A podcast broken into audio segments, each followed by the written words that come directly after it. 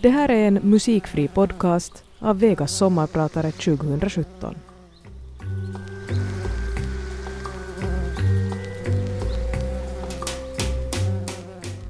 Hej och varmt välkommen.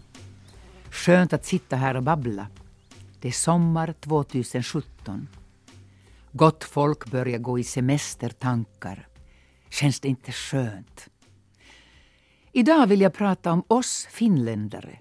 Om vår identitet och livet mellan två språk eller flera. Och om kampen. Ja, inte landskampen Sverige-Finland. Då ska man hata svenskar och mana blod från varandras näsa enligt min tävlingsinriktade krigsgalna onkel Olli som ända till sin död satt klistrad på bänken antingen på Stockholms eller Helsingfors stadion och hetsade upp sig. Nej. Min kamp gäller kultur och hur man bygger broar mellan olika kulturer. Med andra ord mellan oss människor. Som en finne. Ja, en ensam kamp ska jag säga för min del. Jag ska också berätta om min bakgrund, vilket jag aldrig gjort förr. Ja, det har kanske något med identiteten att göra. Finland fyller hundra. Om den kampen ska jag också ge några privata glimtar. Ja, en timme räcker knappt till och lite musik ska också i. Arja från Mikkeli kallade mig den finlandssvenske Ralf Friberg på en mottagning för herrans många år sedan. Det var med viss ironi. Han hade läst om min saunabok, antar jag. Men jag är väl medveten om att han egentligen inte skämtade. För den svenska språkfrågan i Finland är som känt mycket känslig. Ja, jag kommer från Mikkeli. Ja, ja, ja, ja, ja, ja, jag vet att staden har ett svenskt namn. Sant Mikkel. Men jag tycker inte om det finlandssvenska namnet. För mig klingar det som ett kloster i Italien eller Axel Muntes, den norske läkare kulturintellektuelles berömda hus på Capri, dit mina föräldrar gärna återvände under sina många Italienresor när jag var liten. Nej, Mikkeli är Mikkeli för mig. Jag är pyrfinne och kommer från den pyrfinska delen av Finland, östra Finland. Det är väl inte förbjudet. Och jag har fått den purfinska uppfostran i alla avseenden från skolan, omgivningen, familjen och släkten, i modersmjölken. Om det blev oklart för någon är det alltså jag, Arje Saijonmaa, som är din sommarpratare idag. Välkommen! Jag sa just att jag är purfinne. Det är jag i och för sig. Men min farfar var finlandssvensk. Han hette Petter August Salsten. Petter August gifte sig med Anna Hammar, också finlandssvensk. Han var lektor i latin, grekiska och svenska språken och sedermera rektor i pojklyseet i Mikkeli. Jag träffade tyvärr aldrig varken min farfar eller farmor. Båda farföräldrarna var döda när min pappa gifte sig med Enni Toivakka från Mikkeli. Min mor Farmor Anna var lärare i musik, ritning och alla konstnärliga ämnen i stadens flickgymnasium där min mor var hennes elev. Anna var också författarinna och grundade Lotta-rörelsen i Mikkeli och teosof. Mikkeli är en militär stad och högkvarter i alla finska krigen. I Mikkelis klubb åtnjöt marskalk Mannerheim sina luncher och middagar och checkade generalernas krigstillstånd med Marskis Skåls överfyllda snapsglas. Receptet var hemligt, men jag fick en liten flaska med den ursprungliga Marskis snaps av en av mina onklar som var ordförande i herrklubben som Mikkelis klubb blev efter krigen. Mikkeli är marskalk Mannerheims stad och jag gick i skolan i Marskis högkvarter. Satt i hörnrummet i första våningen och lärde mig läsa i självaste kartrummet där Mannerheim skissat fram frontlinjer under alla de tre finska krigen mot Sovjetunionen. Så, man kan säga att jag fick inte bara purfinskheten utan också de finska krigen och marskalk Mannerheim i modersmjölken. På backen bredvid högkvarteret, alltså sedermera folkskolan där jag gick, fanns ett skyddsrum hugget in i det stora berget. Det hade två stora kolsvarta öppningar som gapade och sög åt sig allt det onda som skrämde. Det hemskaste jag visste var att passera skyddsrummet på väg till skolan. Jag gick alltid på den andra sidan av gatan. Det betydde krig för mig. Farfar Petter August var en ung kar och filosofiskt lagd. Han skulle vandra till Karelen i den nationalromantiska tidsandan vid förra sekelskiftet i sin favoritfilosofs Rousseaus anda eller i Kikeros anda, vars lära var honom också mycket nära. Nåväl, resan fick ett oväntat avbrott i Mikkeli, Sankt Mikkel, där han träffade sin blivande fru och de installerade sig i denna lilla idylliska stad vid Saimen. Peter August var en mycket ovanlig lektor. Han målade landskapstavlor och idkade jordbruk på somrarna på sin näraliggande herrgård där man kan fortfarande beundra de evigt långa spikraka raderna av noggrant byggda med egen hand varenda sten vackra stengärdsgårdar som omger fälten och ängarna och löper längs skogsbrun i hans ägor. Helt i enighet med Rousseaus och Kikeros naturfilosofiska läror. Det måste varit en ändlös, aldrig sinande uppgift att bygga dem i det steniga Savolax-landskapet ska jag säga. Vid sidan av en stor familj, fyra söner och en dotter. Och växlandet mellan skol och jordbruk engagerade sig Petter August i politiken. Han hörde till det progressiva partiet Edistyspuolue, dåtidens liberala parti i Finland och var ordförande i Mikkelis stadsfullmäktige under 14 år. Han hörde till den liksinnade Finlandspresidents Per Svinhuvuds jaktvänner. Petter August blev en passionerad fenoman. En förkämpe för det finska språket och den finska kulturen i tidens nationalromantiska anda. Fast han undervisade svenska i Lyset till sina fyra söner var det svenska språket strängt förbjudet på hemmaplan. Mor och far däremot kunde skifta till svenska om de inte ville att barnen skulle förstå något. Petter August var en sträng principernas man med ett starkt rättspatos. Han skulle förfinska sitt efternamn för sina barn som skulle uppfostras purfinskt på alla sätt. Musiken hörde till familjen och det musicerades flitigt hemma. Familjen hade en egen kammarorkester. Alla barn spelade på något instrument. Det sades att farfar spelade flöjt. Min far spelade cello. Där satt lille Ilmo, min pappa, bakom sin cello i väntan på ett finskt efternamn och en purfinsk identitet. Farfar Petter August Salsten letade alltså efter ett nytt namn som hans barn skulle bära i den blivande finskspråkiga nationen. Superestet som han lär varit letade han länge. Bland annat hade han ett tag en sommarvilla i Hirvensalmi nära Mikkeli på en vacker udde som hette Malvaniemi. Namnet tyckte han var vackert. Det var nära att jag heter Arja Malvaniemi idag. Men nej, han hittade något bättre trodde han. Sajonma. Varför har du gjort mitt liv så svårt farfar? Sajoma betyder ju ingenting och är omöjligt att uttala och förklara för utlänningar och skrivs nästan alltid fel. Sayonara med U istället för I och J, både I och J, hade varit mycket lättare. Så skrevs nämligen mitt namn i alla fall på skylten på Broadway när jag senare gjorde min show i New York. Men sayonara låter för japanskt, eller som en såpreklam tyckte jag i New York. Så jag fortsätter stava både i och j i alla språk, också i engelska. Med ma, med två a i slutet. Ska det vara så jävligt svårt? En dag kom jag på förklaringen till farfars konstiga namnval tror jag. Snacka om undersökande journalistik. Resultatet blev häpnadsväckande, men det tar vi lite senare. Nu måste jag ta upp det där med identitet.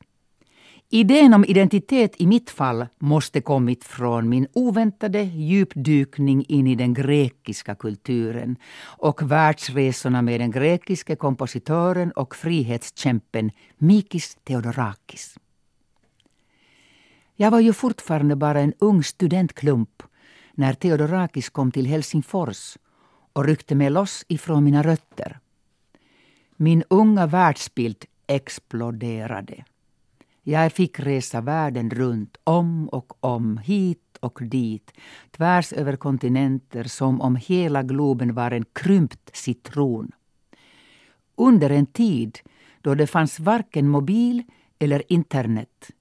Under det kalla kriget då världen var uppdelad i två och man fick beställa långdistanssamtal. Och där och då i det kaoset representerade jag den grekiska kulturen Give me a break med politiska flyktingar utan pass som resesällskap. Vi kämpade ju mot diktaturen och för frihet och mänskliga rättigheter. Det var ju hela syftet och det viktigaste. Men dock, som jag alltid sagt, distansen är den bästa läromästaren. Resan resulterade i att jag fick en identitetskris. Vem är jag mitt i allt detta grekiska? Vem är du? Vem är jag? Vad är min egen kultur? Mina egna rötter? Vad är min egen finska identitet? Skulle Finland till exempel hamna i en likadan diktatur och jag göra samma världsturné med musik som motståndsrörelse, vad skulle jag ta med mig från Finland då? Hur skulle jag presentera oss och vår finskhet i ord och toner? Inte så självklart som den grekiska kulturen. Såna tankar hade jag då. Och jag funderade, tänkte, grubblade. Men livet vill och tar sitt eget. Livet tränger sig alltid mittemellan när man egentligen sysslar med något helt annat. Känner ni igen det? Som om det fanns en färdigt skriven plan för var och en av oss. Av livet självt. Det hela började med att mitt i kampen mot olika diktaturer, Greklands och Chiles, blev jag plötsligt och helt oväntat kopplad ihop med finsk tango. Jag hade helt andra planer på den tiden, men ödet ville det så som man sjunger i tangotexterna. Jag skulle uppträda i Stockholms kulturhus under en finsk författarfestival. En finlandssvensk poet och språkprofessor vid Helsingfors universitet som hette Lars Huldén hade gjort några finska tangotexter på svenska. Kanske på skoj för att lätta den någorlunda tyngre finkulturella stämningen. Den finska tangon var inte uppskattad på den tiden i Sverige. Nej, tvärtom. Svenskarna var livrädda för de våldsamma fulla finnjävlarna under Slussen. Och de buntade ihop pukka, perkele, vodka och tango i en enda röra. Där hade vi bilden av Finland i början på 80-talet. De visste ingenting om oss. Det svenska språket lyfte hela innehållet till en helt ny nivå, tyckte jag. Jag fick gåshud. Det säkra tecknet för mig varje gång jag står inför en ny utmaning som jag måste utsätta mig för. Och jag som just ett par år sen hade hånskrattat åt finska tangon som den värsta patraskmusiken i studentteaterns överintellektualiserade ungdomsyra. Inte bara Finland fyller hundra år. Vivica Bandler fyller hundra år. Tillbaka till vår författardag i Kulturhuset i Stockholm i början på 80-talet. Primus motor till detta finska kulturbesök var naturligtvis Vivica Bandler, den finska teaterlegenden som då var chef för Stockholms stadsteater. Jag hade året innan erbjudits att göra min första show i den anrika svenska revyteatern och restaurangen Hamburger Börs i Stockholm. Det hade gått bra och en ny show beställdes som fortsättning. Jag gick runt i födslovåndor för att komma på något genuint. Jag hade fått en rejäl tändning på Kotkas ros och kände omedelbart i varje gen och cell i mig att nu, nu har jag hittat vad jag sökt i åratal.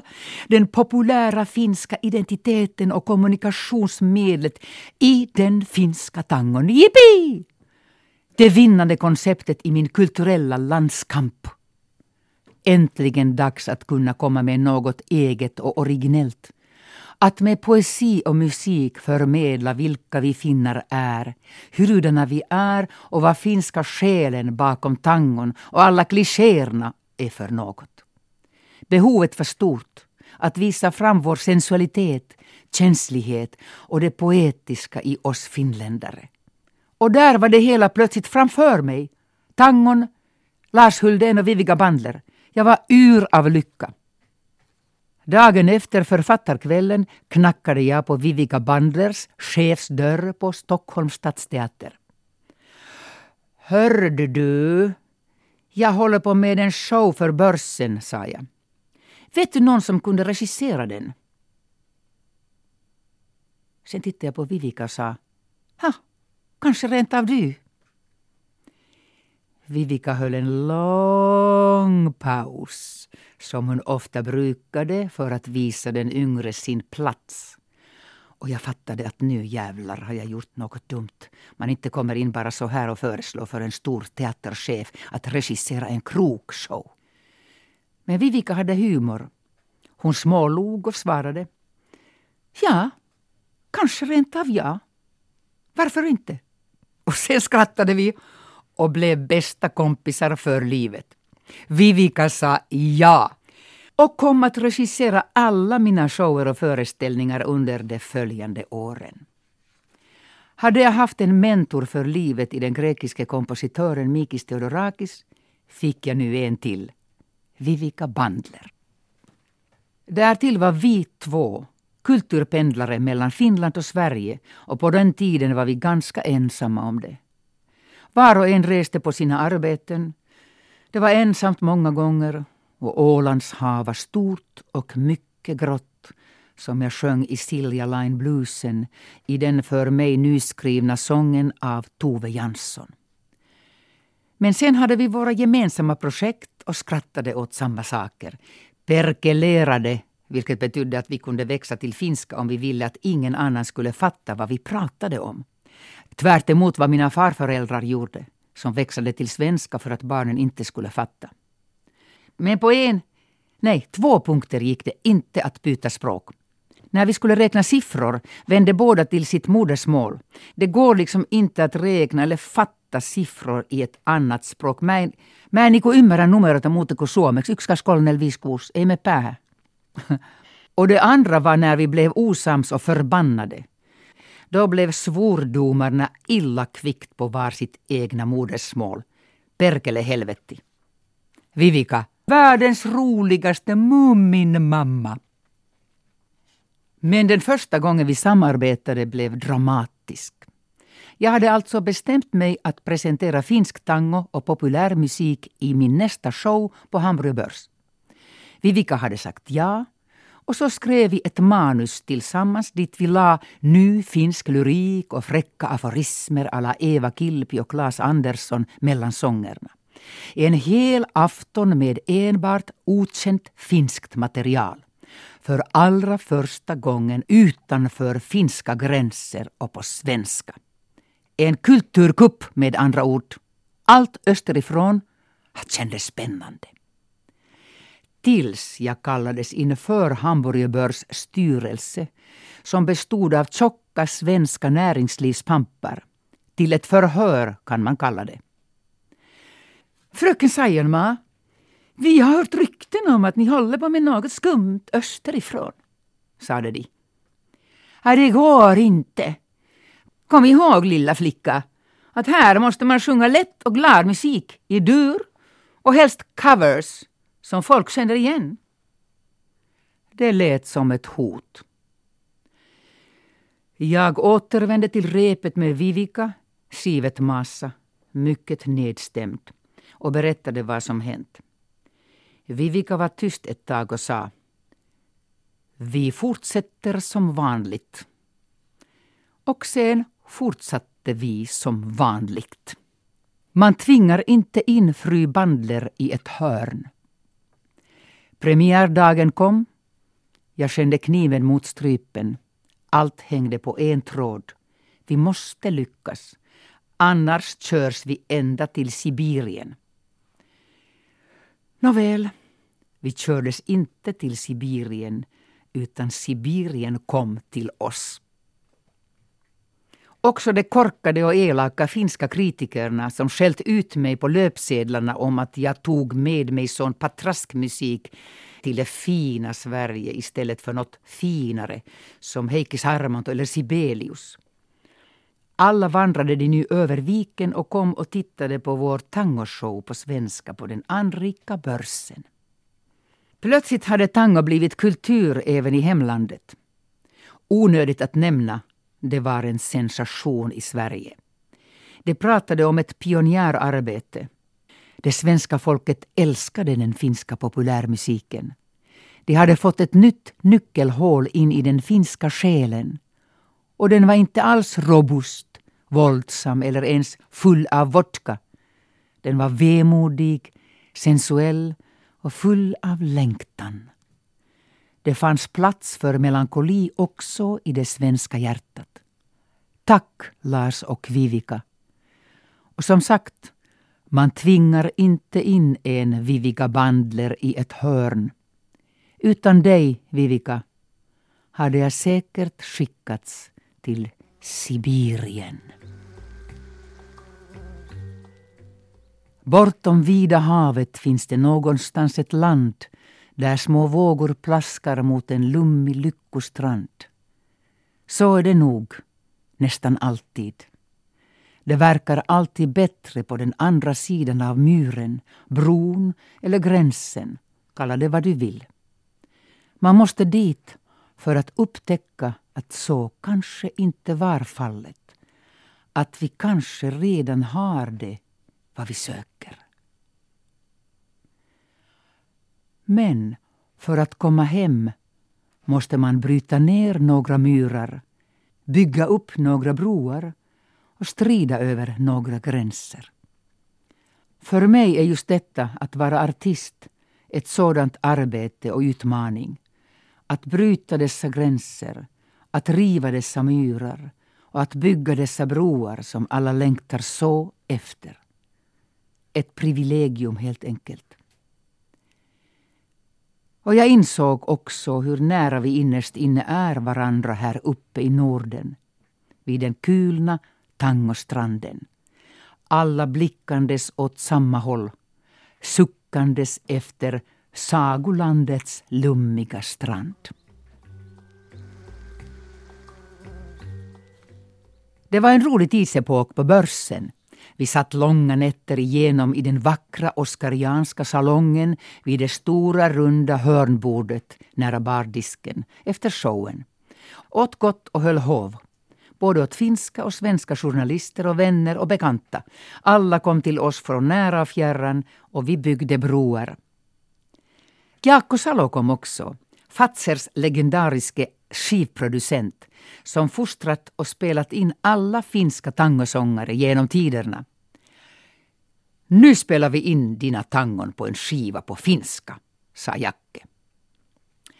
Samarbetet med Jacke blev långvarigt och jag lärde mig mycket nytt. Det var också han som fick mig att inse att dessa patrasklåtar nu hade blivit mina egna klassiker. Men Jacke, du missade en grej.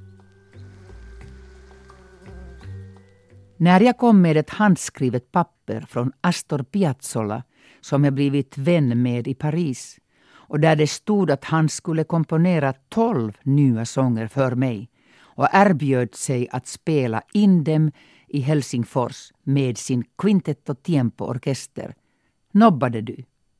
Du visste inte vem Astor Piazzolla var. Väldigt få visste det då. Astor Piazzolla var en avantgarde-musiker från Buenos Aires som kom till Paris för att erövra världen med sin tango nuevo. Och det gjorde han. Det har vi alla lärt oss nu. Vi har fått distans. Och jag ångrar fortfarande att jag inte gick till banken och producerade den själv. Men sånt gjorde man inte då. Man lär sig. Distansen är den bästa läromästaren. Min kulturkamp nummer två började med min saunabok som kom först ut i Norge men som jag skrev på svenska. Hör och häpna, slumrande svenska gener kanske. Eller bara den obstinata lusten och passionen att igen kommunicera sin egen kultur, göra oss hörda och förstådda. Där försvann tio år av mitt liv, hups. Det var folk runt mig som varnade att sånt gör man inte i höjden av sin aktiva karriär. Att man försvinner inte in i finska skogarna för tio år. Men jag brann för min sak. Detta må jag göra även om det är det sista jag gör. Sviker min publik, då får det vara publiken. Saunaboken blev en obsession. Att bygga broar mellan vår okända lilla kultur till åtminstone grannländernas medvetande. Att få fram nyanserna och kunskapen i vårt eget savoir-vivre. Hur man badar bastu. Detta är för oss finländare som gourmetkonsten i mat. Miljoner nyansers dans. Och det vet vi, som fått det i modersmjölken. Men det vet inte världen. Ja, jag la runt tio år, hela 90-talet, av mitt liv till att forska om finsk sauna. Och nu, nu uttalar jag medvetet ordet sauna. Jag återkommer till det. Det hela började när jag skulle bada bastu i ett fjällhotell i Norge efter ett jobb. Äventyret vände sig till en mardröm.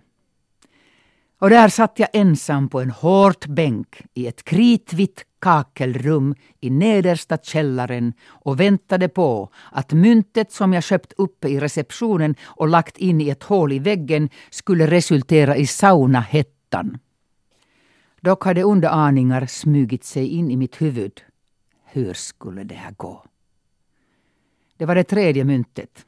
Tiden tickade i någon sorts mätare på väggen. Även det alldeles för högt och störande.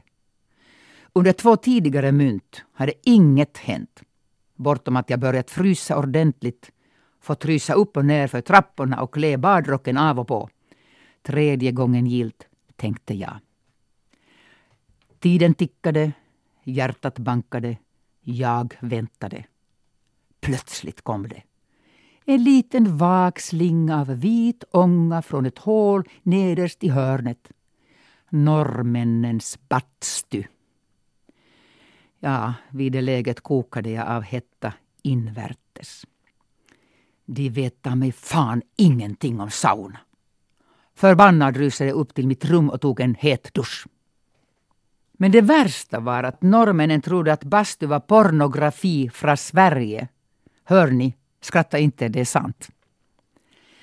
Jag kände att nu, nu om någonsin är det min fosterländska plikt att berätta för norrmännen vad bastu är för något.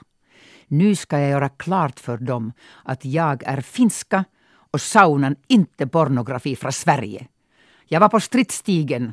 Norge, Norge, quelle décadence! Okej, okay, där och då började min tio år långa vandring, eller fight, kamp, by the way, på bastustigen. Myterna förförde mig. Vår mytologi tog mig allt längre in i de djupa finska skogarna ända till Karelen och den ryska gränsen. Där, vid Lentira, vid den sista stationen innan Ryssland, sjöng en gammal senig, seg man den sista karelska stamhövdingen, för mig om fittans vägar och äventyr i skogen. Jag hickade och rodnade. Vad i all världen fabulerar hövdingen om?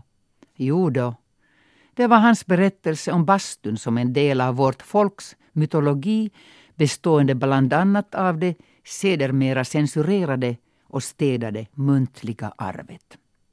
Mannen ackompanjerade sig själv med kantele Mie tiedän tuulen tiet, mie kerron sulle tuulen tiet, ja vet vindens vägar. sjöng den sista karelska stamhövdingen i den sista byn med tre invånare medan hustrun satt i hörnet och stirrade på hur jag åt blåbärspajen hon bakat. Och den tunga ortodoxa ikonen på väggen böjde sig långt ner över kaffebordet och stirrade likväl på mig. Och utanför det lilla fönstret steg månen över floden på den ryska sidan och stirrade. Det var magiskt, allt.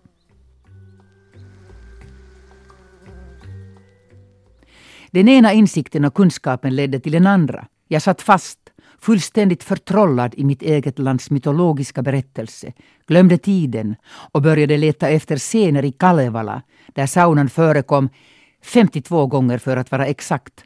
Satt i Litteratursällskapets folkarkiv, i universitetets bibliotek, Saunasällskapets arkiv, bläddrade och läste igenom allt som skrivits om bastu också de handskrivna oläsbara papperslappar som det finska folket hade ritat och antecknat sina riter, myter, trollformler på. Mot det onda ögat när man födde barn i saunan och mycket annat.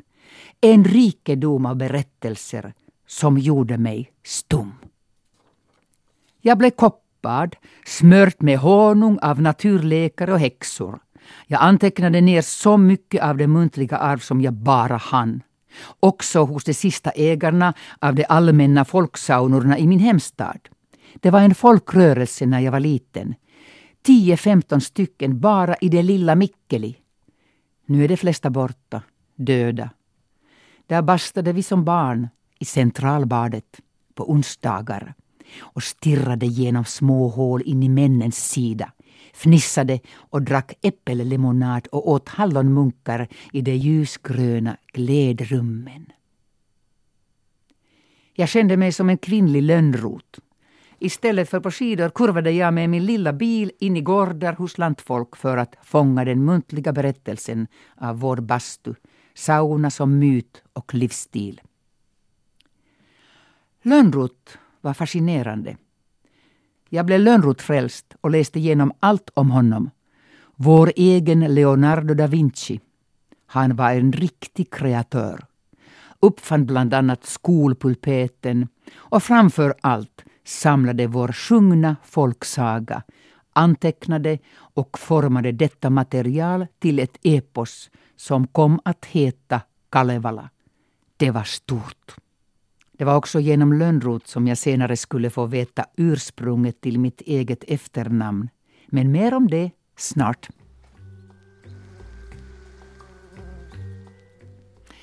I arbetet med min saunabok lyckades jag tyvärr bli riktigt osams med Lasse. En vacker dag i Saunaseura i Helsingfors, där jag går så ofta jag kan, blev jag tvättad och borstad av en skrubbtant som ville presentera för mig sin saunatango. Hon sjöng den av hela sitt hjärta medan hon borstade min rygg. Den var helt ljuvlig.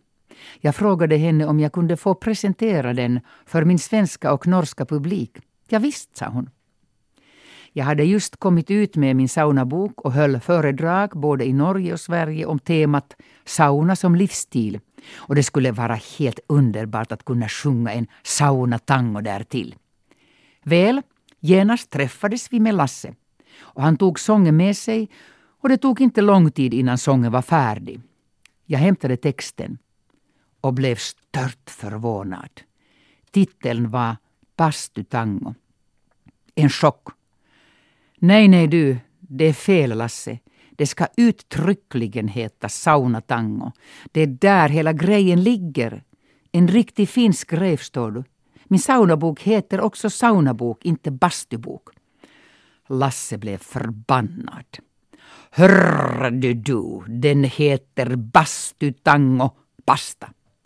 Sauna heter bastu på svenska, basta. Nej, sa jag. Jag har introducerat finsk sauna med mina purfinska saunatraditioner som jag fått i modersmjölken.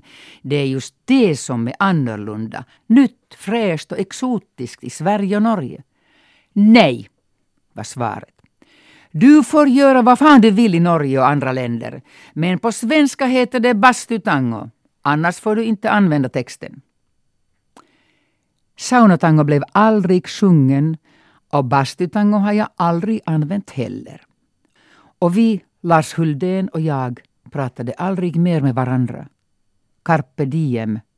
Nu är det för sent. Käre Lasse, jag älskar dig stort och varmt och respekterar din konst, med sauna eller utan. Vila i frid.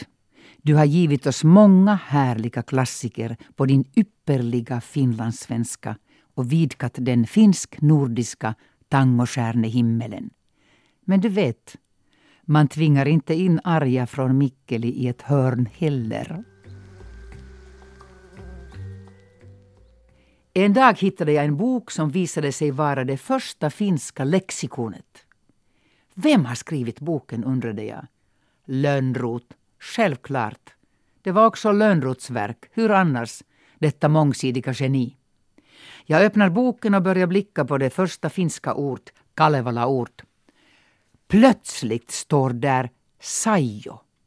Saijo! Vad är Saijo? Jo då, Saijo är en liten tofs av hö som en liten ö mitt i en myrmark, står det som förklaring. Ma betyder ju jord, mark. Alltså Saijon är genitivet från Saijo. Namnet betyder alltså en liten myrholme, hötofs mitt i sumpmarken. Jag vrålade av lycka. Wow, wow, wow, wow, wow! Käre gode farfar! Du var konsekvent i din nationalromantik. Du har hämtat vårt efternamn från den finska mytologin, från det första finska lexikonet, Kalevala lexikon. Det fanns en symbolik där, kände jag. En början av en nation och dess födslovåndor. Utav sumpmarken mellan två stormakter, mellan pest och kolera, skall en finsk nation byggas upp. Som en hötofs, en stigande ö i sumpmarken. Jag kände stolthet. Jag undrar ofta vad farfar hade tänkt om vad jag håller på med. Att jag gör egentligen allt vad han kämpade emot. Att jag försöker bygga broar åt det motsatta hållet. Tillbaka till det svenska språket och kulturen. Dock idag lever vi i ett större globalt sammanhang. Vi är först en del av Norden som i sin tur är en del av Europa och världen anno 2017. Detta blev plötsligt viktigare än någonsin nu när Trump och andra nationalextremister håller på att backa ifrån allt vi kämpat fram i den fria demokratiska västvärlden med Europa som dess främsta självklara vägvisare. Två språk är mera än ett. Flera språk öppnar nya dimensioner, vidgar vyer, betyder rörelsefrihet, både kulturell och intellektuell. Och jag kan inte nog betona hur viktiga de språken är för ett litet land som Finland, som dessutom ligger så isolerat. Idag viktigare än någonsin. Jag tror nog någonstans innerst inne att min farfar Petter August Salsten hade hållit med mig idag och gillat läget. Jag heter Arje Saijonmaa och jag har varit din sommarpratare idag. Yle Vega. Det här är Yle Vega.